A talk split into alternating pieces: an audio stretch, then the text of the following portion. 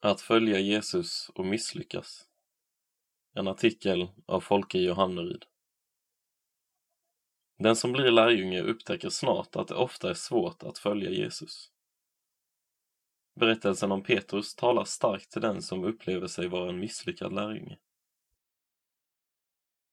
Även om alla andra överger dig, så ska jag aldrig överge dig.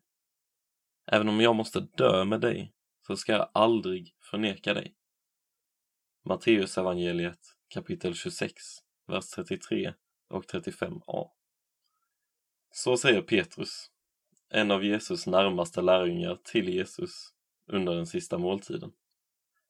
Med iver gör han klart för honom och alla lärjungar att han aldrig kommer att överge eller förneka Jesus. Ord som han bittert kommer få ångra. För Petrus kommer snart att förneka honom. När Petrus mästare och vän blir slagen och hånad inför Stora rådet så svär Petrus på att han inte ens känner Jesus. Snacka om att misslyckas som lärjunge. Hur kunde Petrus, som stod så nära Jesus, misslyckas? Borde inte han, om någon, kunna lyckas stå fast vid sitt ord och följa Jesus i alla lägen? Kamp och fall Petrus var, precis som vi, en människa med brister. Han var ingen superhjälte och syndens konsekvenser var lika verkliga för honom som det är för alla andra människor. Du och jag är inte superhjältar. Vi faller och vi misslyckas som lärjungar. Även om vi har valt att följa Jesus och tro på honom så kommer vi brottas med syndens konsekvenser hela livet. Hur mycket vi än försöker så kommer vi inte lyckas vara perfekta människor eller perfekta lärjungar. Vi faller för frestelser som vi lovat oss själva och Jesus att aldrig mer falla för. Vi jagar efter att bli populära och få mångas blickar på oss, när Jesus borde få all ära. Vi lyssnar på röster från alla möjliga håll istället för att sitta intill Jesu fötter och lyssna till hans röst.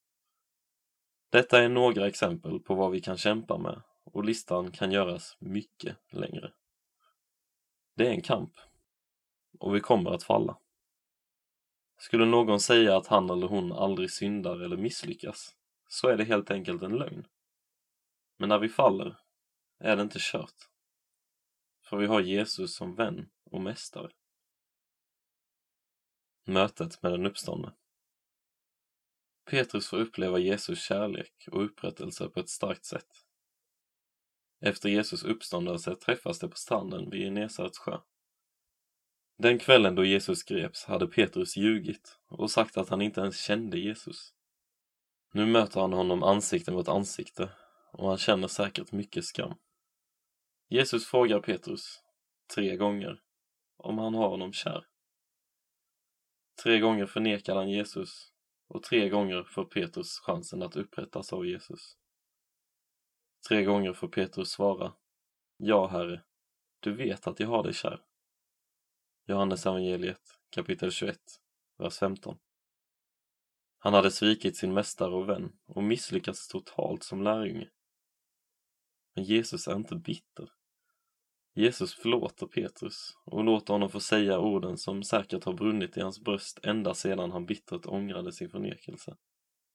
Jag har dig kär. Han får komma till Jesus trots sitt misslyckande. Samma gäller oss. Vi misslyckas som lärjungar, precis som Petrus. Och precis som med honom vill Jesus upprätta dig och mig. Han står alltid redo med en öppen famn. Hur djupt vi än faller så kommer Jesus aldrig att sluta längta och söka efter oss. Känner du att du är en misslyckad lärjunge? Ja, då kanske du är det.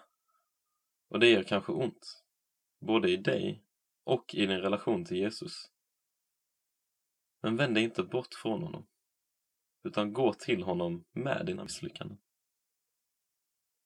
Innan Petrus och Jesus möttes på stranden så var Petrus ute på sjön och fiskade med de andra lärjungarna. När de får se och förstå att Jesus står på stranden så kastar sig Petrus i vattnet för att simma i land. Han har svikit Jesus. Men trots det är Petrus full av iver att möta Jesus igen. Precis så får vi också göra. Har du misslyckats? Tror du inte att Jesus inte vill ha med dig att göra? Han vill inget hellre än att få ta emot dig och mig i vår svaghet och litenhet.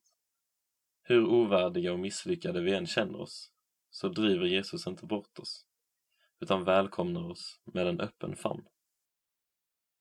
I Jesaja kapitel 42, vers 3 står det Ett brutet strå ska han inte krossa, en tynande veke ska han inte släcka. Vi kan vara på väg att tyna bort och slockna när vi fastnar i våra misslyckanden och brister. Men Jesus vill inte släcka oss. Han vill ge oss nytt liv, om och om igen.